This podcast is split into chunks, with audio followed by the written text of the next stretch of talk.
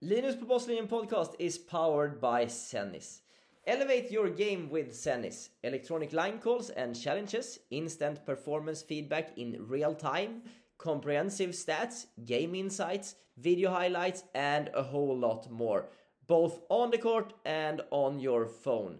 Zenniz is the smart tennis solution. For more information, visit zenniz.com or find Zenniz on Instagram at Zenniz Smart Court. Thanks a lot, Zenniz, for the partnership. I would also like to say thanks to Lehnhoff Tennis International, that is also a partner to the podcast.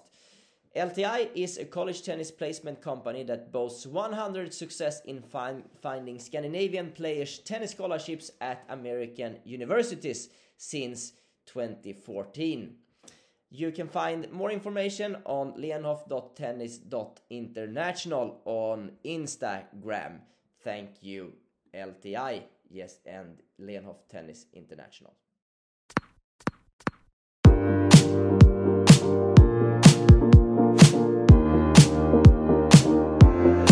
Det här är Linus på baslinjen. En podcast om och för svensk tennis.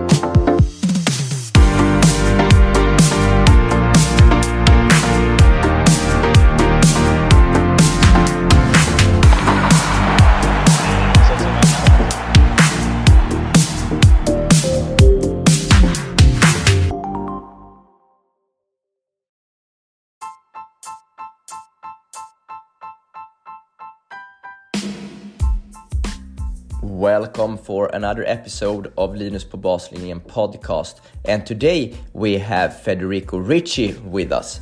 Federico is the coach for Emil Ruusuvuori, the Finnish player who reached, reached his career high of 37 uh, at ATP last year. Ricci have previously been the director of Evert Tennis Academy in the United States and coached Jarkko Nieminen, who he also started the Jarkko Nieminen Tennis Academy together with. In this episode, we will talk about cultural, uh, cultural differences and how to adapt the communication depending on who you coach. How Ricci got shocked when moving to Finland about the non competitive environment. What he and Ruusuvuori have done well together uh, during the years. Uh, what is working well and not so well in Finnish tennis today. We talk about the keys behind the male success lately and maybe the lack of female players and much, much more in this great conversation. You can also watch the video from this interview if you look and listen through Spotify. And already now, please head over to www.baslinjen.com for more content about tennis in the Nordic countries. But now we listen to Federico Ricci. Now I have the big pleasure to welcome Federico Ricci to the podcast. Welcome, Federico. Thank you. Thank you for having me. Uh, can we just uh, shortly start with a little bit about your background? Uh, wh where where are you from from the beginning, and how come that you started working with uh, in Finland and with Finnish tennis from the start? Mm, okay, I'm originally from uh, Italy, and uh, I moved then to Florida in the US when I started coaching. I was actually lucky enough that one of the when I stopped playing, one of the juniors that I was coaching uh, was able to get me into an academy in Florida, and I thought it would be a great experience and a great start. So I moved there. I worked in Florida for about 10 years, and I was loving it until it came uh, um, an offer to move to Finland. Well, came an offer to work with Jarkko Nieminen, and because I was on a visa in the US, then of course, if I resign from my job, I have to, you know, can't really stay there. So I, I probably could have and done the job from there when trying to get a green card, but I also felt like it was it, it was a great experience and living there without having to actually work for the academy. I said, okay, then I'll move back to Europe and I do it from Europe. And of course, at the time, uh, it seemed convenient. Uh, they, uh, manager at the time had a good sales move. invited me to Finland uh, the beginning of June, end of May, when the weather was great. so okay, and then that's how it started. And I moved to Finland, started working with Jarkko. A year later, we opened an academy, and um, uh, in Helsinki, and there, there it started. Okay, but from the start, you worked privately as a coach for Jarkko then, or uh, well, it was right? uh, it was a little bit, yeah, it was a little bit of a project where you know I would uh, it was Jarkko's last, it was 2011, so Jarkko was I, I wouldn't say he was already thinking of retiring, but you know it was the last four years of his career, and uh, the objective was yes to help him uh, partially uh, and start to put down the basics for the academy so that it would be something also for himself for post career. Okay, okay, okay. Uh, if you uh, when you worked in, the states and you're from Italy uh, and now you've been in Finland for a long time, uh, how have the culture difference between those countries affected the way you have now at lately worked, so to say? Um, I think that that's actually the, I would say, the most interesting aspect. I would say that it's perhaps the not only the cultural differences. I think the communication styles, the communication differences, and um, also the understanding of tennis and the understanding um, the, the background of what is important in each country, I noticed there were different nuances, different shades. Um, on top of that, I think even more so because I worked in Florida, but I worked in South Florida, not far from Miami, and that is even more interesting as an area to work in because yes, you are in the United States of America, but you're in contact with a large, large part of the Latin American culture, of the South American culture. Um, so you are influenced a lot also by Argentinian, Brazilians, Venezuelan, Colombian, mm-hmm. not only in the lifestyle but also in tennis. Like uh, uh, the academy where I was working at, we had 20 at one point we had 21 coaches, and I think they were representing something like 16 different countries. Um, so you had Canadians, you had Americans, you had South Americans, and South Americans, you had Argentinian, Brazilians, Colombians, Venezuelans. So, you know, and they, of course, bring in players from those areas. And then, of course, you have, uh, you know, a lot of um, uh, ex-college players that have had their own influences from the U.S. culture, but they're maybe from somewhere else. Um, and uh, we it was interesting because we for I, I was there for 10 years and for about five or six of those years we were also the base of the USTA player development program mm-hmm. um, so it was based in so it was actually interesting it was a federation part and a private part working side by side mm-hmm. and uh, uh, there too it was very interesting because you had the best american players players that now are on tour like they, those were the years where um, you know, first there were okay the the Denis Kudla and Tennys Sandgren. That was the first generation in there, and then the next generation was the Opelka, Tommy Paul, Tiafoe, and those guys. They were all in there. T- Taylor Fritz. They were all in there in the program at the same time.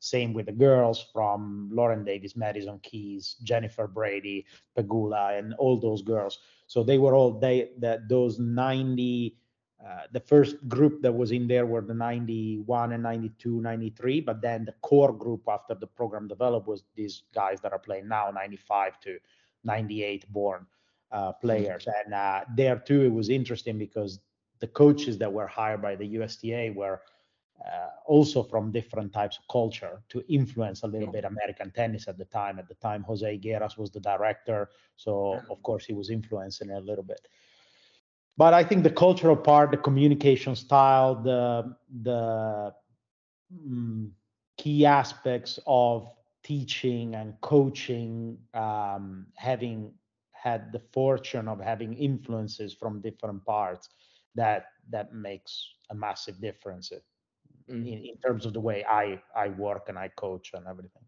But, but uh, can you reflect a little bit about in what way you have adapted the way you have communicated with the players? Uh, let's say the, the players originally from from United States to the South Americans and now to the Finnish players. In what way have you adapted? Um, I I don't adapt in one way all the time. I think I use a little bit all the skills that I've learned throughout my career of communication and teaching i use them at different point and different um, situation also depending on the player that i work with. As an example um, with uh, maybe latin players so uh, mediterranean italian spanish or south american you can be maybe a little bit more direct a little bit more loud a little bit more um, brutal in certain ways. They they maybe don't take it as sensitively. Um, they let things you know kind of rub off on their skin. Um, with american players m- maybe you got to keep things a little bit simpler. You know they maybe don't necessarily love to analyze. Of course you know those are generalization they're yeah, never yeah. they're never true for everybody but you know um, with Finnish players and Scandinavian players in general, I noticed that instead you have to be very soft and attentive at you know not step on certain toes. They are reflecting a lot. They're more interiorizing a lot. And uh, so you you have to maybe certain things. Also the process of teaching is maybe a little bit different. You know with americans everything go american players and some some Latin players, not all. Things go quite quickly. Like maybe they don't absorb everything, but they are doer. They're usually fast, progressive, uh, uh, pro- progressing fast, and they want to know a lot of information and bam, bam, bam, and move on and try things. With mm. the Scandinavian players, Finnish players, sometimes instead is the process is a lot slower and they take their time. They, you know, they they they everything moves a little bit slower. And perhaps though the on the other side they maybe interiorize more of your message compared to maybe some american that some american player that maybe wants a lot of information and then has really used or interiorized 50% of it. Of course these are major generalizations you know and, and everybody's slightly different in their own way. Yeah but in, in general, uh, you as a coach, do you think it's a good and the right thing to adapt your leadership to the player you're coaching, or should you stand your ground a little bit, what you believe in, in the way you communicate? How much do you want to change your way of doing things? I think I think you have to have your principles. You have to have your principle, and you have to have you know um, your your beliefs in certain things, but I think it's a matter of being wise to how you communicate those. You know, mm. the the communication style that can definitely be adapted to the player. But more than I think the the biggest question mark here is uh, not so much how much how much you want to adapt to the player is how much that type of um, attitude towards learning and progressing and listening from the player sometimes needs a shake up mm.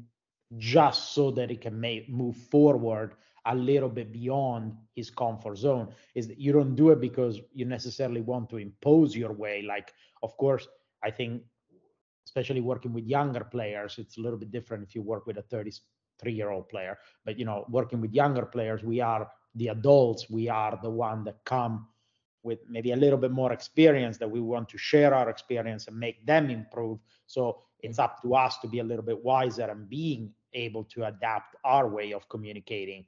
But always staying true to our principle and our philosophy of, of what we're trying to teach.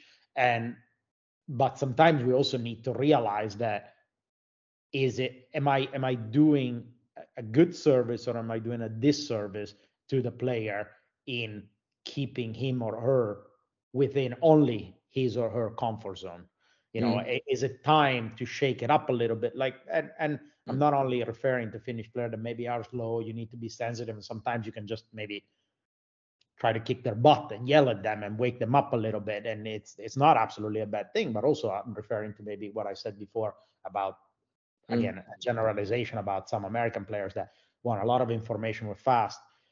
Yes, because sometimes it's also good to sit them down in a room, Mm. slow it down, detail, go through maybe a detail of a tactical play or a technical change and explaining the why, the what, and uh, and what are the consequences. Maybe you know the player there says, "Yeah, yeah, but I'm ADHD, I can't focus." that half of the US player. Sometimes, But you know, um, I'm ADD, I can't focus. Well, no, no, no, but that's exactly the point. You know, let's try to get you to focus and learn a little bit. Uh, you know, um, so I- think it works a little bit with everything. You know, or you know, sometimes it happens. Of course, you need to adapt your coaching style also between men and women. I had the fortune and the opportunity uh, uh, to also work with high level female players and bring some of them through some delicate year transitioning years. And of course you know it's me that i have to adapt. I, can't ask the player but on the other hand there are certain moments. And and actually as a matter of fact when i probably had to do the most dr jekyll and mr hyde when i was coaching the girls because uh, they i had two totally different characters. One needed even just in the cheering part on on the bench one needed a lot of energy to perform. The other one needed to be very calm and focus almost zen to perform. So uh, that it's part of our us being wise and be able to adapt a little bit. Yeah. our way of communicating coaching and everything. But then sometimes in certain situation you need totally the opposite to shake it up. Wh- When you coach uh, Emil today, uh, how would you describe your way of coaching him today?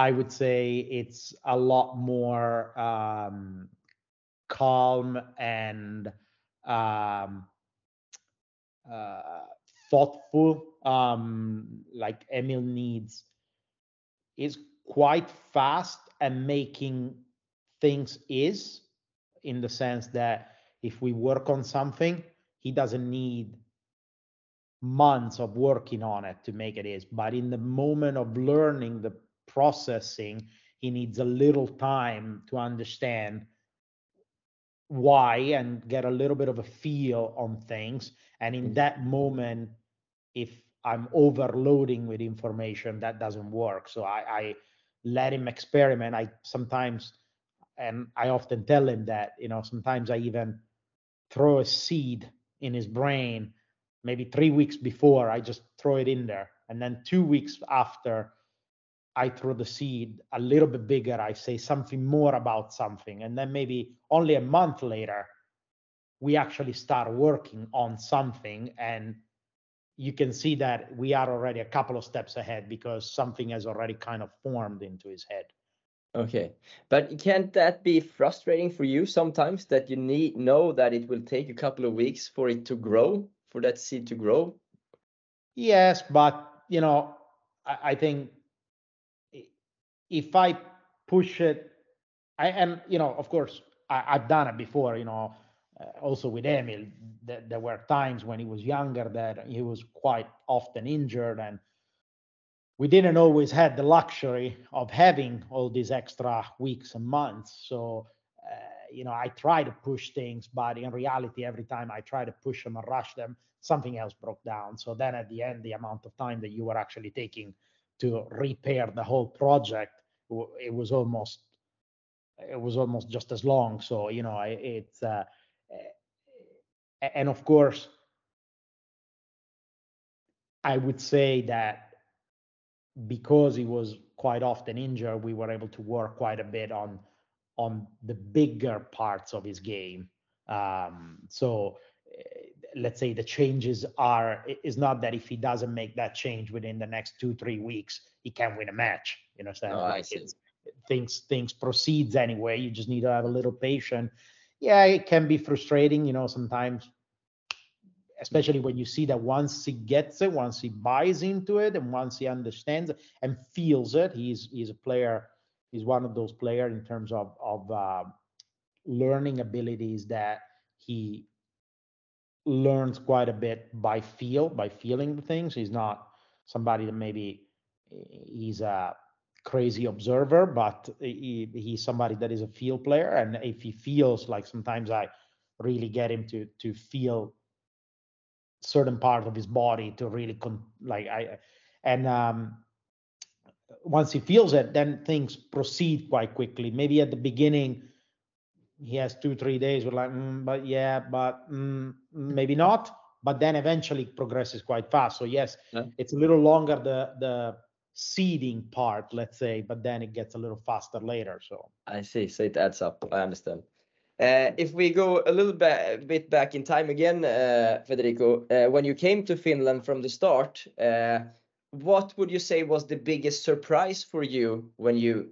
got to know Finnish tennis and the structure and how it worked? And uh, yeah, was it something you were surprised by? I was shocked at the beginning. I was shocked. Um, About I, what? I, there's, uh, there was. I was shocked about the uncompetitiveness. Like, okay, uh, it was I don't know, maybe at the beginning, of course, you know, I was, I'd lived 10 plus years, 10 and something years in the US. So, you know, of course, in the US, everything is ultimately competitive and it's, uh, uh, you know, you turn around, you take two weeks off from holiday, another coach backstabs you, steals your player. Like it's all, uh, it's all really, uh, but when I first came, I, I was shocked in Finland. Like there were so many things that I I didn't I I couldn't understand. Um, I don't know. I give some examples. You know, there's there's we need to go to a tournament in July. Uh, no, no, July four weeks. We are at the summer cottage. But what are you talking about? Like if it, like if you try to be a professional player or a good junior, you can't take four weeks off in July. Like tennis is played most in the summer. You know, you, you take four weeks off. You go to an island on a summer cottage yeah, but it's summer. It, well, well, yeah, exactly. I mean, you know, there's Wimbledon, that that little tournament there. Um, or you know, no coaches and weekends don't work. What do you mean? There's tournaments in the weekend. Or uh, um, you know, the uh, one thing that uh, it was crazy to me, private lessons. You know, uh, they, of course, you know, court time is limited, and uh, you know, there were always groups, and I was like, yeah, but you know sometimes it needs a little time with the player alone to be able to to get some changes done you can't only rely on giving four balls to two players and tell them play or hit cross court and they their forehands get better yeah yeah yeah but you know we we we see when we can do it within the program of the club and i said yes but i have three requests of, of players that would like me to work with them yeah but they're not good enough. We decide as the club who's good enough to get them. And I'm like, what? Like, why? Why? Like, we don't know if this player maybe 10 years from now is going to be good enough. Like, what? Where would you need to to to decide yourself? If this player is willing to put in the effort, the parents are willing to invest, and he's willing. Like, I, am the last person that does it for the money anyway. But I mean, I saw I saw young kids 12 13 years old willing to put in the effort and coming early in the morning to do an extra hour with the coach to improve and you from high above from the club you say no i mean it, i thought it was mind blowing there were things that or i saw players you know at tournaments just saying ah you know, I've already played two matches. It's okay. I mean, it's okay. It's late Saturday evening. I go, I go home. But oh, but you're in the tournament. I mean, you're in the tournament all the way to the end, not after two. But, mm. So I was shocked. I mean, I was shocked with a little bit the organization overall. I was shocked by the organization of the federation. I was shocked with um, with the competitiveness of the overall environment. And uh, uh, of course, you know, there were a couple of per sparse situation that were a little bit better, mm. but it always felt they were like lone wolf situation, like, you know, somebody that had particularly good budget, somebody that, you mm. know, had a little bit of a different view or was eh, but then of course, you know, usually there is a situation that potentially is better, but is missing the right people in it. Because especially in small countries, I feel like you know you can you can improve the overall situation, but then you have to have the right the right people in the right position to make the difference.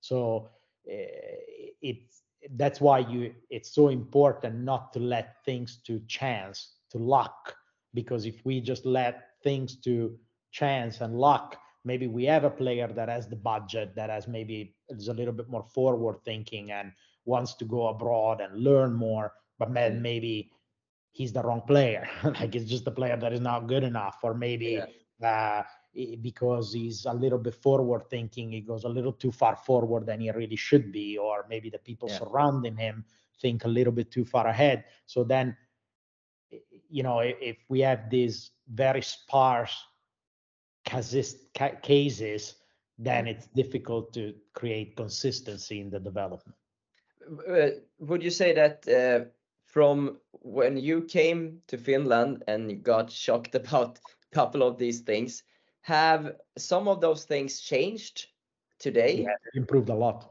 I think yeah, they've improved a lot. I mean, I I I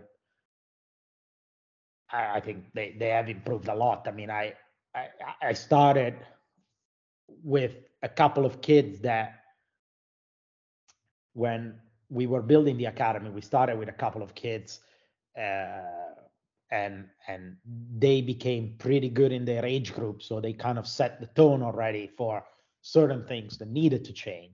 Um, club clubs it was uh, uh, that was another thing that i was shocked speaking of competitiveness.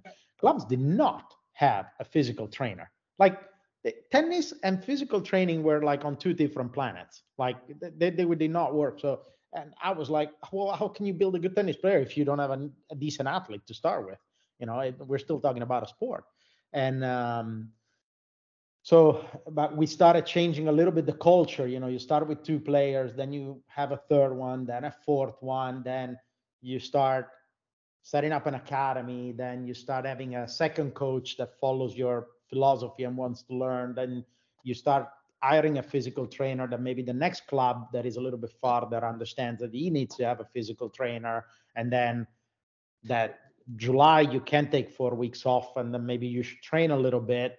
And you know, it, it takes time, but slowly I believe we've changed the culture of how certain things are seen that before were seen mm-hmm. as totally out of this world, unheard of, not even think about it.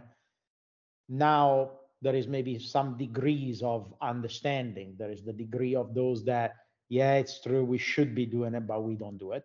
Or, mm. yeah, it's true, we should be doing it and we try to do it. Yeah, it's true, we should be doing it and we are doing it. And then some that, you know, it, it even, they do it even well.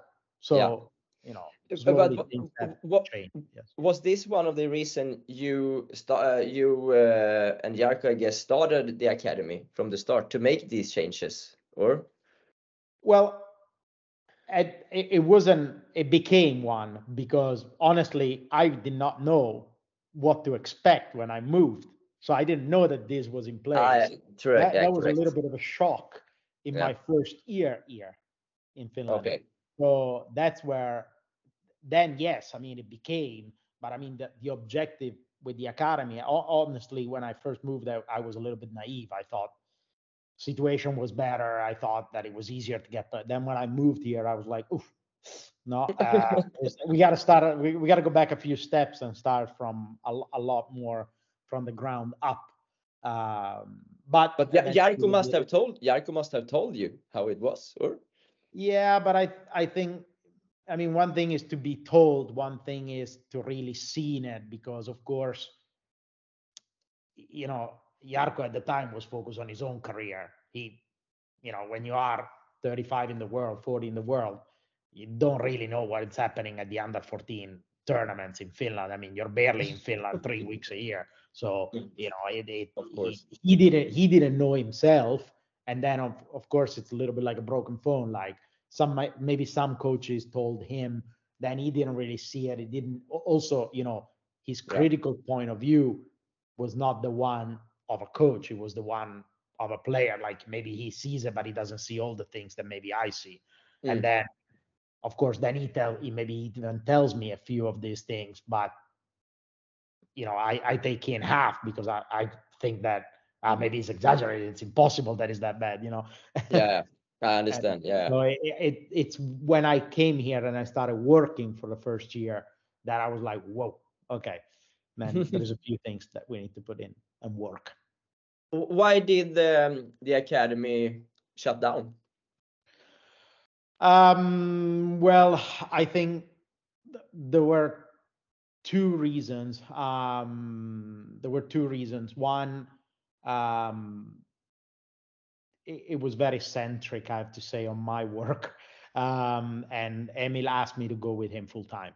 Um, so uh, I, I gave it a thought and I thought a little bit. I talked a little bit with the sponsors of the academy that eventually became actually Emil's sponsor. So they actually followed me into the Emil's project. Okay. Um, and then I, the other reason was I, I talked to Jarkko and I was honest. I said, you know, me not being there uh, and being gone 35 to 40 weeks out of the year doesn't make a lot of sense that I'm in that position. But I said, if you want to continue, if it's your mission, you want to continue, I'll help the transition. I'll oversee as much as possible from traveling. But I said, you need to be present much more than like Jarkko was not even after he played. He was maybe coming a couple of mornings a, a week, if that. Uh, but I said, of course, if I'm not there, then you need to be there regularly. And you know, he had just had the second kid, and he, I, I don't, I don't, I don't know. I mean, I, I felt like at the time he also wasn't maybe much into coaching really. Mm. Um, so he, he his interest wasn't high. Whether it's an interest for the commitment or for the actual coaching, that mm. not sure. But and my I was be so at that point to do things. I, am the type of person that when does things, you either dive into it 100% or or I don't like to do things 50 50. Mm. Um, so at that point, we decided that it was better to close it. And then Jarkko was much more interested. Like he's always been a big passion guy about Davis Cup. So he was much more interested in the Davis Cup captain role and uh, those type, not really into coaching. So, you know, it's, it's it, which is understandable. And and of course, you know, at the beginning, it was an idea to have something for him post career, but then, you know, sometimes you finish your career and you realize that that's really not the path you really want. Of course. Is there any uh, academy that is been is running now in Finland, or is it only clubs uh, around now? It's only clubs. It's only clubs, and um, um, the coaches that we had in the academy. We had at a certain point we had six, seven coaches, and we had hired a couple from abroad um, unfortunately, the most of the ones from abroad, they let them go. I thought they were good resources from the country. Let's say there was a bit of a void after the academy closed for three, four years. Mm-hmm. Um, now they're starting to get reorganized. Of course, you know the fact that that almost all the players that were in the academy are doing well. Um, Emil is big traction for the overall tennis uh, environment. Harry Eliovara has done a great job with it, uh, switching to doubles, but you know, in doubles he's done serious results. So of course he's also motivating. Um, and uh, Otto recently, uh, although he he struggled a little bit this year uh, with maybe the goals he had, he was very close to top 100, and now he's back to 170. So uh, but of course, in Davis Cup, he performed really well. So there, there is a little bit of heat. And now Kauko started playing again. Uh, Vasa started to play again. Niklas Salminen switched to doubles, and everyone in their own way has taken a few years after the academy closed to find their path. Okay, except Emil that got lucky mm-hmm. because he he kind of transitioned into something that he knew exactly what it was. Um, and uh, but the clubs now of course also help the results that they've had in davis cup the last couple of years the federation got a little bit of funding they're trying in the last six eight months to uh, put back a program because it won't be an academy. It will be something in cooperation with maybe one of the biggest clubs in the area. Mm. Um, they because they probably realized that in reality they lost basically all the age groups like i think we had a very good 97 98 99 2000 2001 they weren't 2000 but 2001 with otto.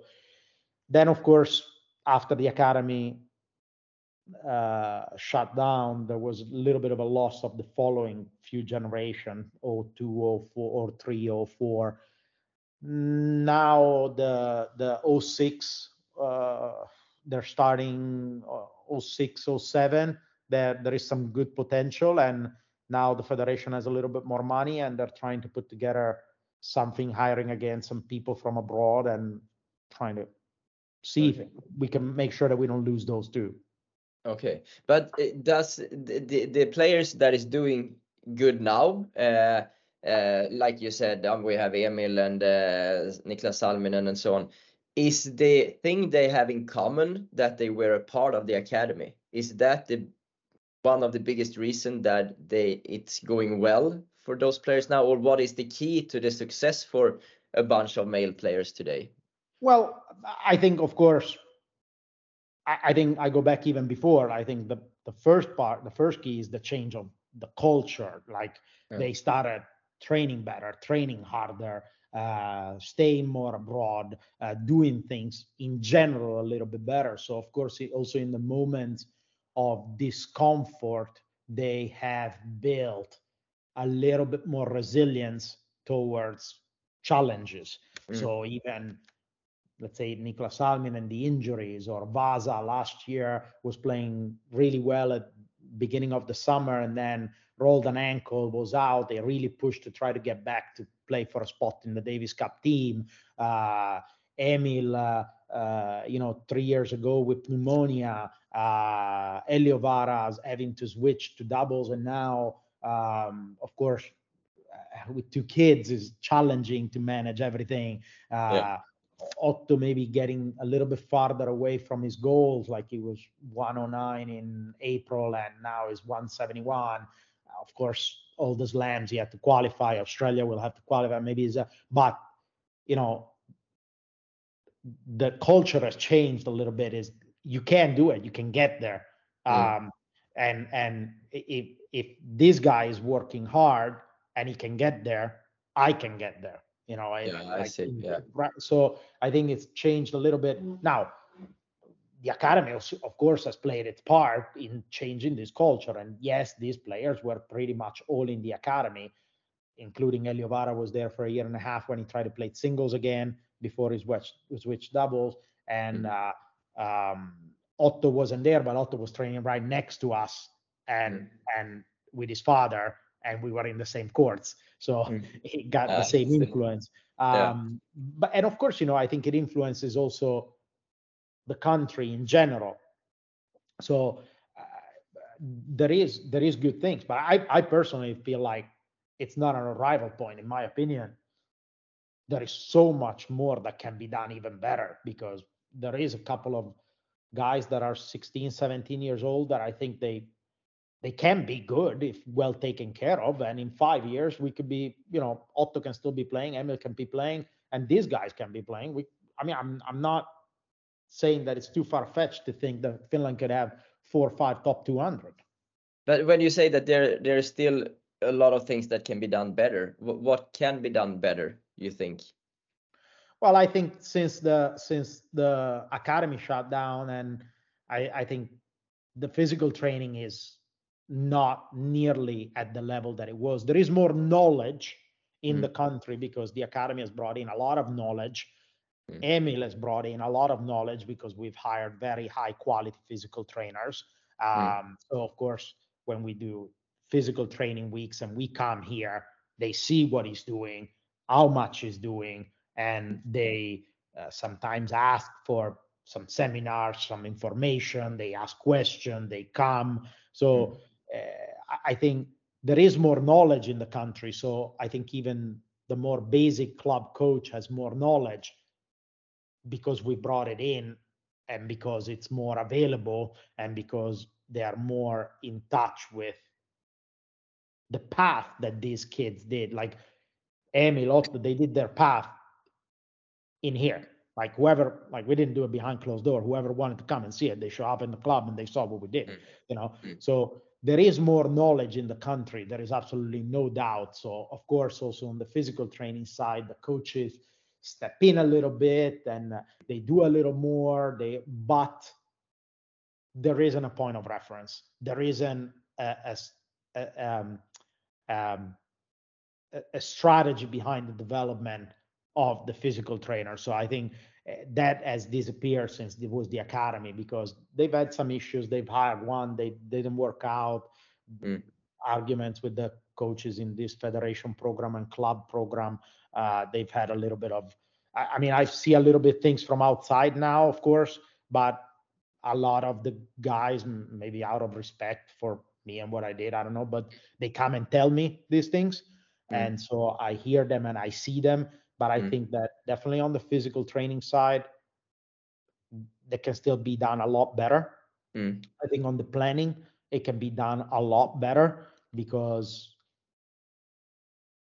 sometimes, you know, there is young coaches coming up and they don't have maybe they're not yet there to take charge of certain type of players or they want to try to get to the goal a little bit too quick so that they get their name out there. Yeah, and and yeah. so that needs to be done maybe a little bit better. Um, and then the other part is, uh, of course, the overall structure of the the facilities. I think Tali, the main club here in Helsinki, is trying to improve. They're adding some courts, adding a real gym. Um, but otherwise, players kind of cramped up in small gyms. Like even in the federation program, they're they're a little bit struggling to find quality um, coordination between the tennis program and the physical training program, and quality coordination between coaches, uh, traveling, and stuff like that. So in general, like, that part can be done a lot better. And then the other part that, in my opinion, can be done a lot better, and I, that one I see because my son is seven years old, so I, I he plays and Good, uh, and uh, I think at the at the grassroots level they have incredible numbers for Finland at the moment because of course tennis is very popular at the moment and everything, but eh, numbers is one thing, quality is a little bit different. Like I think that as always, a little bit the issue is that grows in popularity, grows in number of pretty good juniors, number of small juniors that play, number of players that try to be professional, number of professional, but then all of a sudden you run out of quality people to go after them. Yeah, I understand. You know, yeah. If you, if before all the all the gold was put in one or two players. Now you have to redistribute this gold gold for, for 15 many. players, and yeah. you can't. Everybody wants to be with the one that is at the top. Of course, yeah. But then if you only go with that one, then the other one under don't develop, and then you're. I understand that. Yeah, yeah, yeah. Uh, oh, all the players we have mentioned now, or most most of the players we have mentioned, is uh, is boys, male players. Uh, mm-hmm. Why is there a lack of female players uh, on higher level today? What do you think? That's a that's a in my opinion is a very good question. I just think that is um,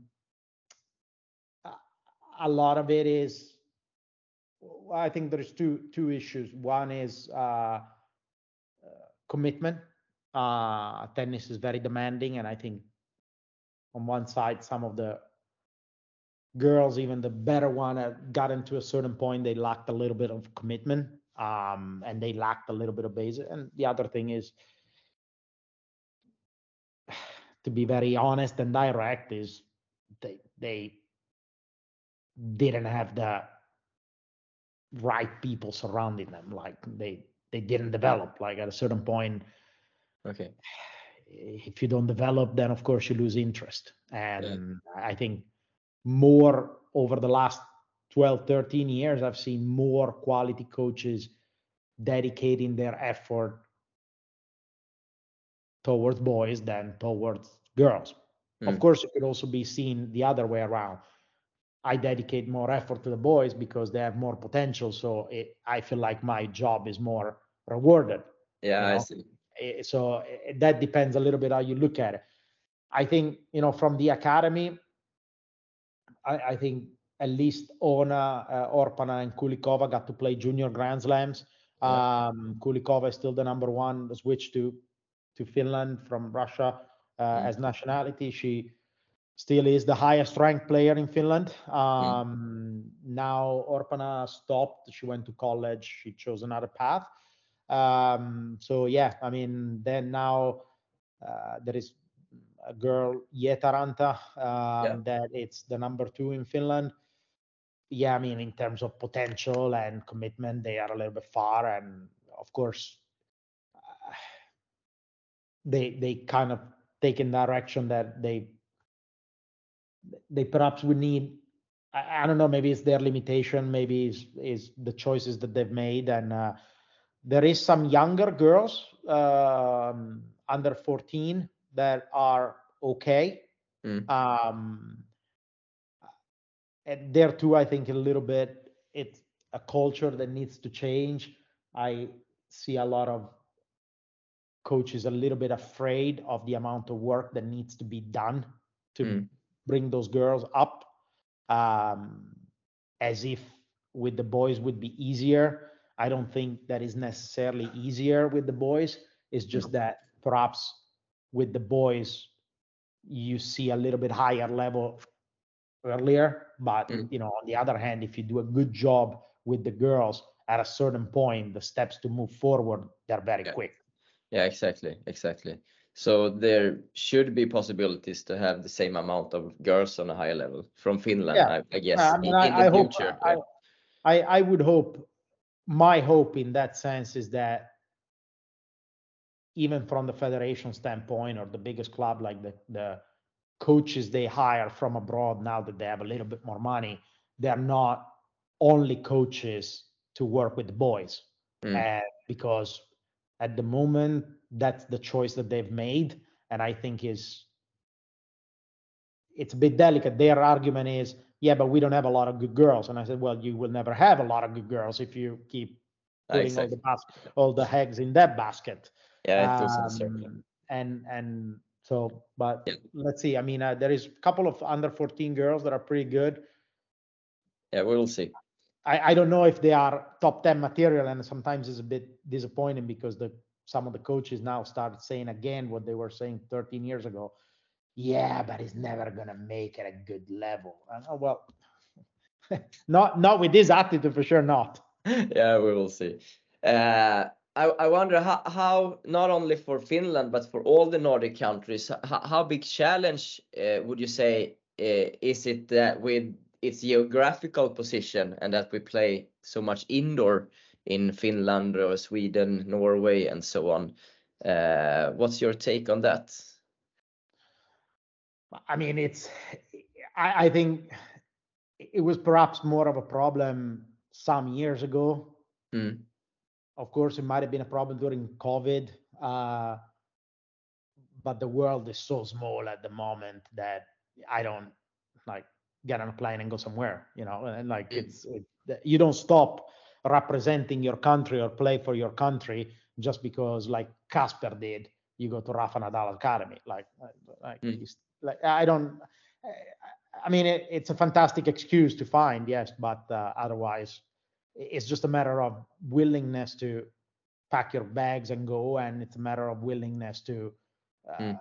find the money to do it. You know, sometimes yeah, it can be expensive from here, especially from Finland. It's quite expensive because they take advantage of the fact that we are basically an island, or you know, we need to fly every time, so the prices are really high. Luckily, you guys in Sweden have EasyJet, Ryanair, and uh, same in Denmark. And uh, but uh, so that's one thing. And then the other thing is in terms of the game. Um, yeah, I mean, even when you're young, you travel a little less and you're more in in Scandinavia, but uh, you know, still the facilities are much better than you know, I don't know, some other countries that I agree. Yeah, definitely. like eh, the facilities are there and i mean slow down the r courts and it's still the same thing and you know Yeah. freeze your butt a little bit when it's end of september and try to play outdoor you know Yeah. it's it's not that you need to go indoor you know august 20th like because the courts open indoor you know No, no, I agree. I agree. Mm. Uh, we, we we have talked about the the academy you and and Jarkko started. H- how much have Jarkko meant for Swedish tennis, uh, for fin Finnish tennis? Uh, would you say? he's he's meant a lot. He's meant a lot because especially, I mean, first of all, he meant a lot because he's a very um, soft spoken and he let he lets his racket do the talking and you know he was not not you know in any way you know in those scandal magazines or stuff like that. So he gave a good image of the sport in general and he represented the sport very well. That's one thing. Second thing is he meant a lot because he was a very hard worker. Like we could say he was somebody that has maximized his talent. Okay maybe he could have won a few extra finals you know but if, if he didn't it's because he cared so much not Mm. because. So let's say he had good motivations and and and very high work ethic so gave a very good impression. And especially when i came that i felt like in general kids in finland or players here did not have that. It, it meant a lot to have somebody to show to t- somebody that was actually the representation and was seen as a hard worker uh, uh, a tough guy that is always there and ready to go and with high moral or work ethics uh, so it, meant a lot to have like even if i were maybe the one on the court try to change the attitude and mentality of this 14 15 year old whether it might be Niklas Salmin and Vasa uh, Kaukovalta, Ruusuvuori or whatever it is but I had the opportunity of saying look there and I'm not saying look there to somebody that is on the other side of the world but to somebody that Mm. is hitting the ball just a- Yeah. against you on the other side of the court Yeah, yeah. so that that Means a lot. it's one thing that meant a lot. The other thing that I think it meant a lot is that he filled a little bit of a gap. Um, I feel like in tennis in general, it's very easy to lose momentum and lose kind of and and if you lose momentum, it's very easy to spiral down for the overall movement of tennis because you know we are in a very fast-paced world. Things move quickly. You know, uh, padel becomes super big, and then five years later, 30% of the padel courts start closing down because pickleball shows up, and uh, you know, and it's a little bit the same thing with with the tennis now. Now tennis is very very popular. I'm from Italy. Like you can't find a court open in Italy at the moment to play tennis. So you can't sign up to a tennis school. They're all full. And in Finland, it was also very very popular. But you know, it takes two three years without nothing in the news, and all the money that went into tennis maybe start going back to ice hockey, start Mm. going to anything else. And I think Jarkko was very instrumental in that because he filled the gap. You know, Finland had a couple of good players in the early 90s with uh, you know Paolo Eimo, Rahunen, and those guys, and they kind of were close to that. You know, guy number 50, a guy 70, a guy 90. Then, you know, there were some okay players around top 200, born late 70s, 76, 77, and that group they played and they at least kept the name there. But Jarkko filled that gap after these guys retired Mm. until basically Emil. Mm, know, mm. Filled that gap out of uh, in the 10 and his career was 15 years long. So he was able to to Mm. fill it for a long time. And people Yeah. talked about tennis. If he if he had not been there, he had not been as successful or he had been shorter his career, you know, between 2015 and in 2015 when he retired, Niklas Salminen made semis at Wimbledon. Yeah, And that was now the talk. And I see. and Yeah. Three years later was close to top 100. Now we didn't have that big gap that uh, we didn't have almost any gap that Yeah. allowed tennis interest in the country to spiral down.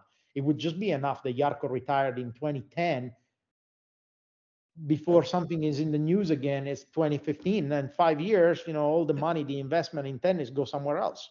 Yeah yeah i agree i agree. Yeah that's that's cool. Uh, and, and, now you, uh, Emil is uh, the top player in, in, singles, and you work with Emil. W what have you guys done well together uh, to take him to this position? If you can pinpoint one or two or a few things. I I think uh, I would say the two biggest thing that we did well is um,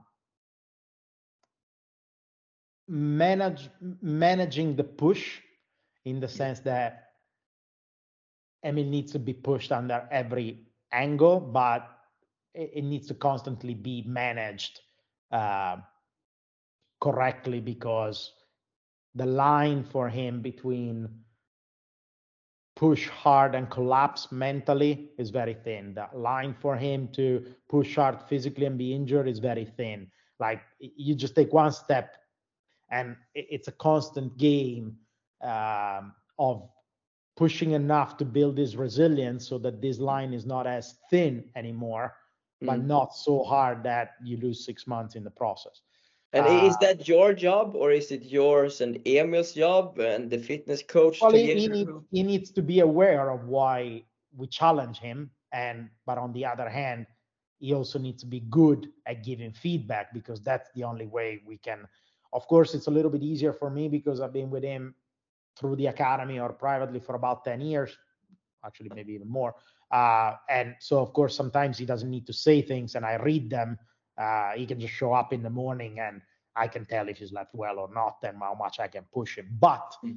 you know, he's also need to be able to give the feedback. So he needs to know what the goal is and why we're trying to go down that path. Then, of course, it is my job to coordinate the team mm. to go after that mm. goal. Uh, of course, when it comes to physical trainer, is the physical trainer, but also the physios. You know, not to pamper him too much, but to keep him healthy. You know, everybody maybe wants to give a lot, and then you know you got to try to figure out to manage a little bit, to manage a little bit when and how to use each one of the resources. And then mm. I think the other thing that we did well is um,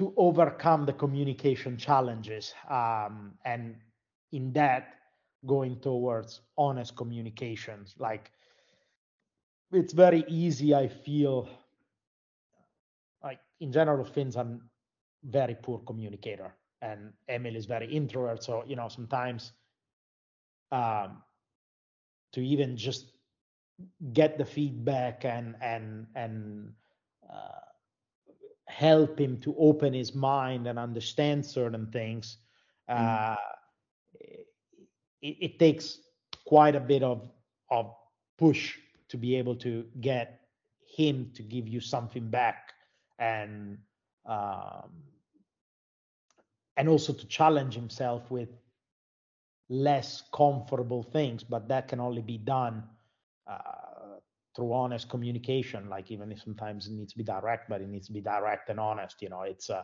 uh, even in things that maybe are sensitive for him you take your time you wait until it's the right moment but then eventually they need to be said because otherwise improvements don't come. I mean i just you know he's like many Finns. He's very, very proud of his country and and he's very proud of what they have here. But on the other hand, there's not too much tennis happening here. So you know, mm. I know it's uncomfortable sometimes. If we need to train abroad, we need to go somewhere. You need to go to a tournament. You can't stay here too long. We need to figure out other situation. And you know, he's been buying into it, but they've been communicated at the right time with the right words in the right you know it's so i think that that's the other thing that we did well so that yeah. he got to this point and he's he's not feeding balls as a coach for 15 euros an hour in one of the clubs in helsinki yeah but, but, but do, uh, do does he agree with you on these things that about communication and, and sharing what he's feeling and thinking? Or does he agree Yeah. that he needs to become better at that? Absolutely. Yeah, yeah. He, he, I mean, of course, he didn't fully agree at 18, 19, but now, yes. You know, I mean, Okay. and, and it's not that he disagreed at 18, 19, 20. No, it's not that he disagreed, but it was like a little bit flying over his head. You know, "Ah, okay, yeah, I'll, I'll do it later. You know, where now maybe it's it, it, Okay. it starts to understand how much is the priority. Also because where whereas me, I've known him for 10 years and then some things I can read, but not the physical trainer, not the physio, not his agent. You know, it, it's he needs to be able to Mm. to communicate with the whole team, not just with me. Yeah, I understand. And, and you also mentioned another interesting thing about uh, going abroad sometimes to, of course, to compete, but maybe also also practice.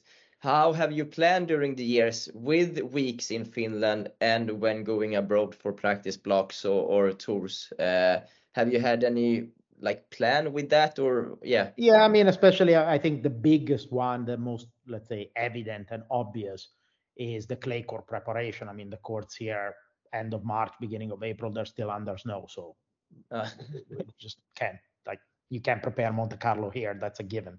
Yeah.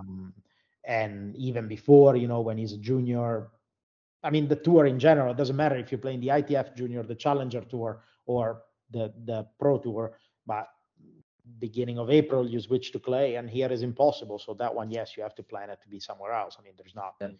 You can't. And then, of course, you know, sometimes you use a base also in between, just because you know, it's something very small, it's not very important, but almost every time we come back to Finland, we waste the entire day because we have an hour time change Mm. and it's three hours to Central Europe if you five if you go to Spain. Uh, so either you get up at five o'clock in the morning, but then you're stoned for the rest of the evening, so it, you still waste the day. And you know, uh, so uh, sometimes you have to use maybe a base also if you take if you go deep in a tournament it's saturday and you're playing qualies the week after uh, you know for four days maybe you decide okay i'm not gonna fly one day fly back one day and train only two days so, So then you stay in down in Europe. Uh, yeah and of uh, course you know now now life is a lot easier because the budget is a little I- bit bigger I can guess.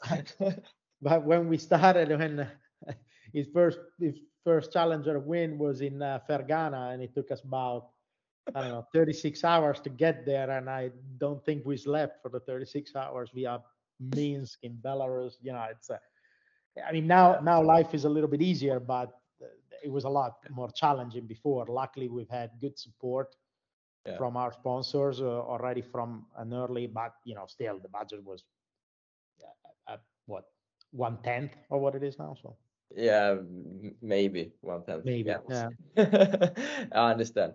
Uh, Federico, we will finish with some questions I ask to all my guests here. Uh, What is the last thing you changed your mind about?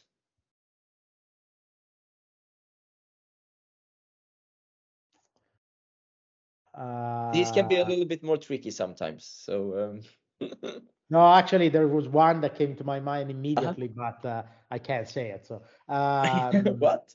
Um, bu- bu- bu- uh, So maybe you need to say it anyway. no, I, I don't think I can. Um,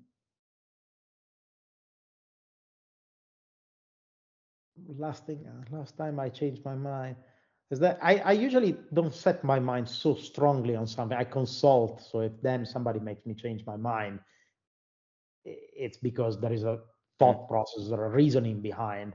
Um, but um, maybe the very last one, just because we discussed it yesterday. Mhm. I wouldn't say I would. I changed my mind, but I set my mind to something I was undecided on. Is uh, the first two weeks of the first two weeks of the year where to start and where to play, and the week after Davis Cup. Like it was a calendar decision that had to be made, and Okay. I just now set my mind that okay, we go to Hong Kong, and yeah, we try to play the week after Davis Cup. Okay. Yeah. Uh, I see. Uh, what do you try to become better at at the moment? Um, two things mainly. Uh, a lot of things, but let's say two things that I mm-hmm. would like to to really get better. Uh, one is um, be able to substitute with more passion the physical trainer. I I feel like I have the knowledge, especially when it comes to um, to the gym part and the cardiovascular part. But, you know, when it comes to doing this complicated exercise in the gym where they put themselves flipping over and cones and stuff, and I get it's like it's not really my passion, and I'm trying to get better at it so that we don't always have to have four people traveling with us. You know, Yeah. I could step in more often also in that side of the physical training. um, And then the other the other part that I always try to get a lot better is the two-way communication, um, in the sense that I wanna find constantly the way to get real uh, input, real feedback from Emil or the rest of the team. And I I keep asking myself, "Is there better ways to do it? Is there better ways to get more info?" Not only from my team, but also from others. Like, I feel like I wanna continuously get info, and of course, you know, in a world of very public knowledge everywhere, like, people start to becoming a little bit conservative uh, uh, uh, of information. So I'm trying to create a lot of connection, and I I've actually even abused a little bit my position. I'm on the ATP Player Council as coach representative, as ATP coach representative. So I've had I've had the luck and the fortune to have excuses to meet with a lot of top coaches- Okay, um, cool. asking information. Um, I mean, they told me, so it's okay. And we are friends anyway, but now I had a good reason to sit down and ask for a lot of information because I want to improve the life on tour of the coaches. Yeah. And of course, sometimes I also got some personal feedbacks that I wanted to have some Okay. more. Uh, and same thing for like, I really all the time try to find to improve, finding angles to get more out of people. Yeah. Okay. That's But the- uh, that's a very good thing, I guess. I mean, uh, it's uh, Yeah, it's I'm yeah. trying. Yeah. The the problem is succeeding is much more difficult than trying. I know that. What would you consider is Finnish tennis biggest strength at the moment?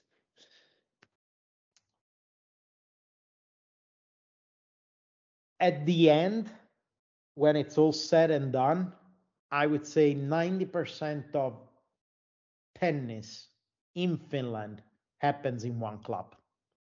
And it's a weakness, but on the other hand, it's also a strength. It's a Uh-huh. strength because at least for those that are in there, which is 90% of the players, in one fashion or the other, the people from that place are very supportive. The the head guy, the Mm. managing director of the place is very supportive, and he always tries to make it happen. Of course, you know, for Finnish tennis in the broad spectrum is not great because then there is almost no expertise in and or there is Yeah. a lot less expertise, funding, and a lot of different things in other part of the country and in other part of the city of Helsinki. But let's say for those that are there now, for uh, Niklas Salminen, Vasa, uh, Ruusuvuori, Virtanen, uh, Eliövaara, even the younger girls, everything happens there. Like, my son goes to tennis, and he watches me mm. work with Emil. He goes to... You know, it's a little bit too concentric, but at the moment, I feel like it's still a strength. Maybe it's not a strength for the whole country, but for those that are in it now, there is a Yeah. lot happening there. But but I like you say, I guess it's also a weakness because, I mean, Finland, I guess, wants to pick up the kids that grows up in all areas of the country and give them a chance to to start uh, exploring tennis and yeah. I think they should. I don't know if i mean I, I, can't tell you if it's really the goal or i don't know. Sometimes i feel like they're riding the nice wave now but there's not a lot of forward thinking or planning for the future but okay. hopefully hopefully there is at some point uh, because my next question was also what's the biggest weakness of, of Finnish tennis? Uh, there is lack of forward thinking for the future. like, not, I mean, it's more like I feel like everything is done. You know, th- there is not a lot of planning. How will tennis be in the next 25 years? You know, it's like, okay, great, we got Ruusuvuori now. Mm. Let's hope he stays top 50 and keep taking us there. Now Virtanen is coming. Okay, but I think it would be a great time to start planning 25 years ahead. Instead, I feel like all the time, okay, we got the Davis Cup, uh, the finals, we made X amount of money. Let's invest it in this one. Yeah, okay, but if next year you don't get to the Davis Cup final, what do you? How do you do it? Like, what's the long term incentive? But, but, but Federico, if if you were like the big biggest boss in in Finland uh, and could decide a lot of things, what would you prioritize to change then? What would be your first thing to coaching quality and coaching culture? And if I can't change it with what I've got here, I would bring them in from abroad. I, I'm I'm just not overall.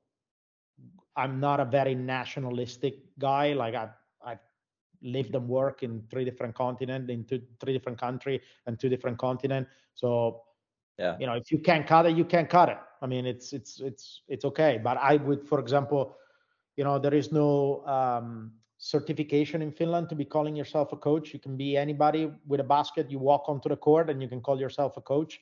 There is mm. a couple of absolute clowns that work in the clubs that I look at them and there's people that actually fall for it and they go mm. there and they take lesson and maybe even pay for it. Um, so of course, you know, that's the first thing that I would change, you know, making the coaching um, job, like even now, I still get after 12 years and after having worked with the two best Finnish players, I still get, you know, around. Uh, what do you do? I said, I'm a tennis coach. Ah, but do you make any money in doing that? like most of sports, most of sports here is like the football coaches are somebody's parents, some yeah. you know guy that does it after work it's very yeah. amateurial. Mm. Ice hockey is the only one that they actually maybe think that it's a job. So, in my opinion, that would be the first thing to change because a coach that is respected, and actually this was interesting, was one of the players that are now that said to me, I would have never thought of becoming a tennis coach. But if I can be a tennis coach like you do the tennis coaching, then I would want to do a, be a tennis coach. But that's a mentality that needs to change also because the coach is then the one that drives and pulls and create the excitement in the players to stay there and wanting to be players. And then eventually, if they cannot make it as a player, then maybe they become passionate coaches and they can try to do the same thing with the next one. I'm exactly. helping a little bit Estonia now, and that's exactly what I'm trying to do. And it was actually great because one of the players I coached is the one that called me up and said, can you help me with my players? I had a lot of respect for you. I really enjoyed working with you. Can you yeah. help me with my player? Oh, that's yeah. cool. That's great. And, yeah.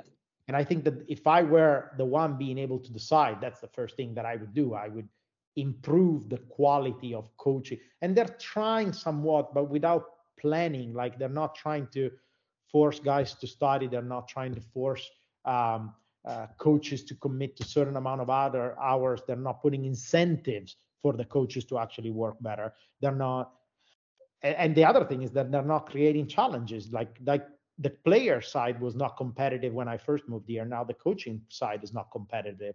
You know, there is no.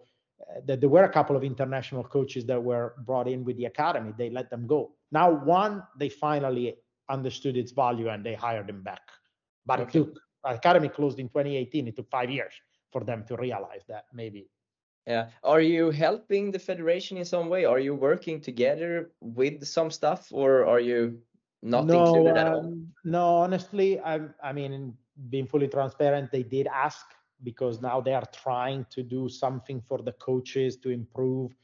Mm. Problem is again, not with any path. Like uh, they don't have any goal of creating a certification or incentives or anything like that. But anyway, so they were trying and they asked me if I were interested, but I I didn't feel like they had a clear goal of what they wanted me to do, and I kind of felt like it was a little bit thrown out there and not really uh, with a good drive and a precise objective. Like it wasn't a project that was um, that that was driven enough. And then I had another issue that was just more ethic, in my opinion. If if I'm working with one player from that federation mm. and I get paid also by the federation to help tennis in the country, mm. I would have felt very, very uncomfortable, let's say in the challenger tournament three weeks ago. Yeah, I see. Yeah. Like, you know, if Emil ends up playing Otto first round, like, of course, I'm yes, Emil's coach, but, you know, I'm also yeah. paid by the same federation that supports Otto. So I, I felt like it was very, that's why I'm helping a little bit this player in Estonia. I feel like it's less competition. He's a very top junior player. Hmm. Um, mm. and and I'm helping him through this guy that I used to coach. And I feel like there there is no conflict because one is junior, one is pro, and but, but are you kind of a mentor for them, or are you doing weeks together with them, or mentor, mentor, and and when I can, I go over and we do some weeks together. Okay, okay, okay. Uh, I have three questions left, Federico. Uh, what do you consider your greatest success as a coach?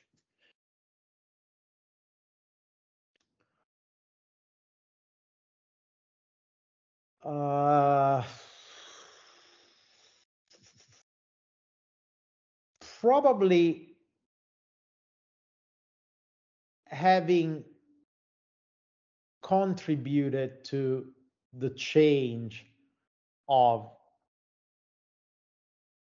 life of so many young kids. I mean, of course, Emil is the most evident. He comes from a very normal family and he's a millionaire now. So of course he changed his life forever. But you know, yeah. also it's it's interesting. Like I still uh, U.S. Open uh, a few months ago, uh, we were there and I saw two of the ex-players of the academy uh, that I was working with. They're now married. They have kids and you know they called up hey we're here watching U.S. Open and uh, you know we we saw you there uh, can can you meet up for dinner i mean oh, kind oh, wow. of things are are cool you know they they played they play college they try to play a little bit professionally they got a few points but you know you still build something for you know you still meet with them and talk to them and, that's super cool huh?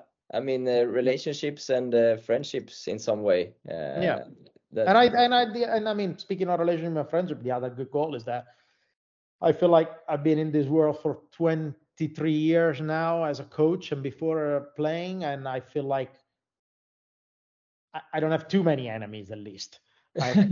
maybe a couple, but not too many. yeah. Uh, if you could go back in time and give yourself an advice when you started as a coach, what would that be? Um, I, I, I would have I would have two. Mm-hmm. Um, mm. I think halfway through the years in um, in Florida, I would have at least requested or asked if it was possible. Of course, that's a bit utopistic because it's complicated with the logistics with the visas and stuff like that but i would have uh, taken a job at the USTA um, mostly to work under uh, people like uh, Higueras and uh, like I, I, would like I worked close to them because I was working with American players, but I felt like there was a lot to learn there. Um, mm.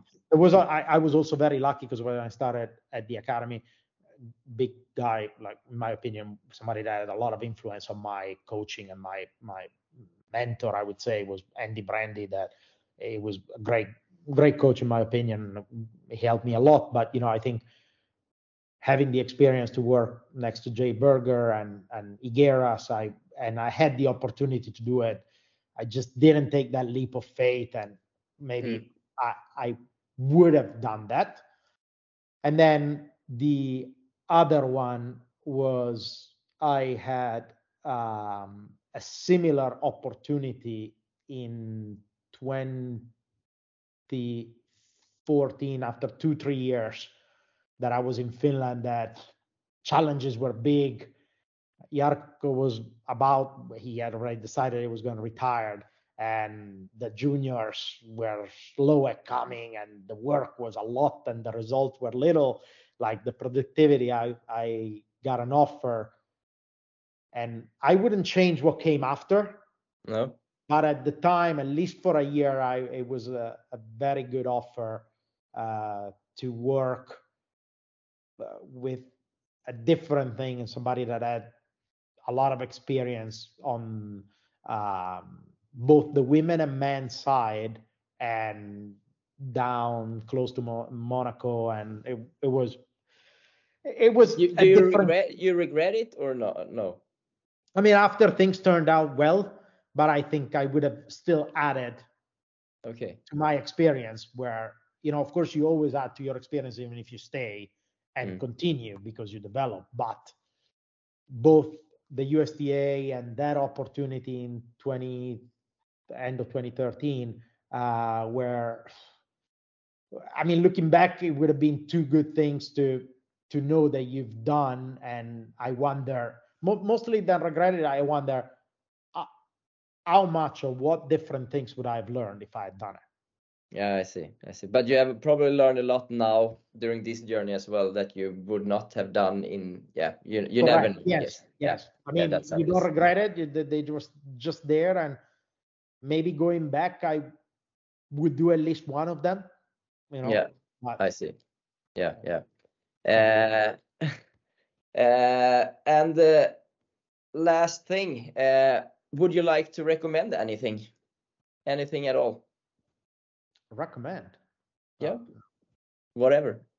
Uh, I I think. Uh, I I don't know. No, I mean it's uh, it. I think recommending is also a very delicate thing unless you're very, very, very good expert. But you are. you're, you're rec- recommending. Yeah, maybe I can recommend you to change your forehand grip, but I haven't seen it, so I don't get there. I, I I probably need that. I, I don't know. I've never seen you play, so I, I wouldn't do it because I've never seen you play. Like I try to be a little bit more knowledgeable before I recommend something. Uh, I I don't no, I don't. No, I, I I wish for Swedish tennis to go back to Yeah. where they were. Well, that- end of the that's a that's a good thing as well. that We we can finish with. What's your view of Swedish tennis today? Uh, Well, you know, the Stefan Edberg was one of my all-time favorite players. So I I Yeah. feel I didn't like him quite as much in '96 when he was part of the team that beat Italy in the final of Davis Cup. But that's a different story. Uh. But I actually think he got injured there. I think, if I remember correctly, he twisted his ankle there. But anyway, um, uh, but uh, I mean, Swedish tennis, yeah, I think. I mean, I really hope that they can do a good job at the grassroots level because grassroots level because it feels like there's just not a lot of Swedish players at the moment. And I mean, regardless of of who gets to the top or not, but I think the health of a tennis movement in any country is to see that you have four or five guys in the top 100 tennis Europe, under 14, under 12, uh, and then in the under uh, 18 you have you know uh, three, four guys and three, four girls in the top 200. I mean that's the health of the movement. Then you know the the the superstar guy that it's a little bit less controllable. So many factors go into it. And Mm. I feel that in Sweden there is a lot of knowledge and expertise to then make that jump, to Mhm. then make the jump of once we have four or five top under juniors to make sure that one or two transition to the pros. Mm. I think the biggest thing is maybe getting there. I, I don't know. I mean, I'm not there, but at least looking at the, I go around and I see a lot of Swedish coaches. I don't see a lot of Swedish players. That's actually exactly how it is. Uh, we we have more coaches than players at the moment. Uh, Send some to Finland because that's the problem we have. yeah, I, I will take that with me. Uh, Federico, it's been a pleasure talking to you. Thank you so much for uh, taking your time. Thank you. Have a good evening. Bye. Thank you, everybody, for listening to this episode. And as always, it's so interesting to hear people that come from outside a little bit and tell us their view and perspective of tennis in the Nordic countries. We will cover more about Finnish tennis if you head over to baslinjen.com in uh, articles, interviews, and so on uh, with other people that is involved in Finnish tennis. And uh, also, if you are an English listener, there's more episodes in English if you scroll through the library at uh, in this podcast uh, feed. So uh, yes, that's all for now. Thank you, Federico, for taking your time. I know it got a little longer than maybe expected, but that's how it is when uh, we have so much to dig into. Thanks for today, everybody, and talk to you soon again.